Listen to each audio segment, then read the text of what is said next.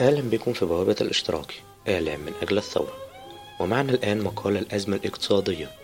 من العدد مئة من نشرة الاشتراكي التي تصدر عن مركز الدراسات الاشتراكية بتاريخ 9 سبتمبر 2012 حدثنا خبراء الاقتصاد ورجال المال والأعمال عن أنه لا بديل لهذا العالم إلا الرأسمالية وأنه بالرغم من أزماتها العنيفة والمتكررة إلا أنها تظل النظام الاقتصادي الأمثل لمصر والعالم. وخلال ذلك يصدعون رؤوسنا بالحديث عن الخصخصة وفتح الباب أمام الاستثمارات الخاصة وإزالة كافة العقبات أمام رجال الأعمال المحليين والأجانب في إطار السوق الحر. هذا السوق الحر ليس إلا حلبة للمنافسة التي لا تنتهي بين الرأسماليين يكون فيه الدافع الأساسي وراء النشاط الاقتصادي لكل رأس مالي هو تحقيق الأرباح ومراكمة رأس المال حتى يستطيع الاستمرار ولا يسقط في منافسة نظرائه في السوق. هذه هي كلمة السر في النظام الرأسمالي الأرباح والتراكم.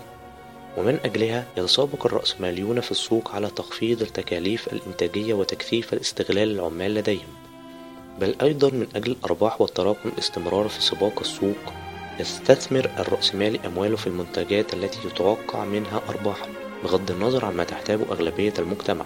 في قطاعات العقارات في مصر على سبيل المثال يتكالب الرأسماليون على بناء القرى السياحية والفيلات والقصور والعمارات الفخمة التي تتكلف المليارات والتي يتوقعون أن تجلب أرباحا بمليارات أكثر لدى عرضها في السوق. بدلا من توجيه هذه الثروات التي هي في الأصل جزءا من إنتاج المجتمع وجهد عماله لبناء مساكن شعبية تأوي الملايين من المصريين الذين يعيشون في المقابر وعشش الصفيح طالما أن هؤلاء الفقراء لن يأتي من ورائهم أرباحا تشبع طمع المستثمرين الرأسماليين. لكن الأمر لا يتوقف عند هذا الحد. فبالنسبة للرأسماليين هناك أولوية قصوى للإنتاج على حساب الاحتياجات الجماهيرية ويؤدي ذلك إلى فائض من الإنتاج الذي يتراكم في السوق دون أن يجد من يشتريه. وبالتالي لا تأتي الأرباح الذي توقع الرأسمالي أن يجنيها. فيتوقف الإنتاج وتغلق المصانع والشركات ويتم تسريح العمال ومن ثم تتزايد البطالة.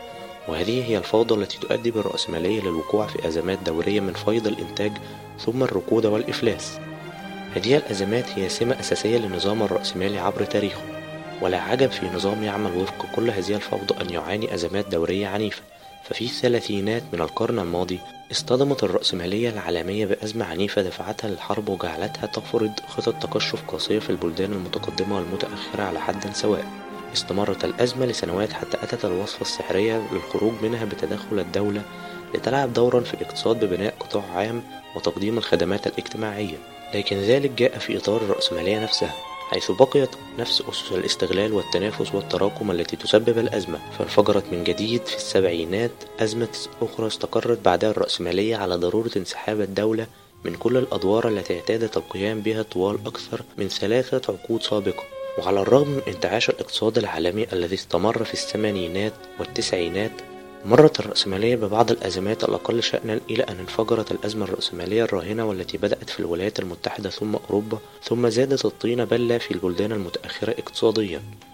في كل أزمة عميقة تحاول الأنظمة الرأسمالية الفرار منها بتقليص الإنفاق على الخدمات الاجتماعية والمرافق العامة مقابل توجيه ميزانية الدولة لدفع كبار رجال الأعمال المتعثرين نتيجة توقف حركة السوق. من خلال تقديم التسهيلات والدعم إليهم وإعفائهم من الضرائب والسماح لهم بممارسة أقصى درجات الاستغلال على العمال كي يراكموا ثروات أكبر تمكنهم من تعويض خسائرهم للخروج من الأزمة.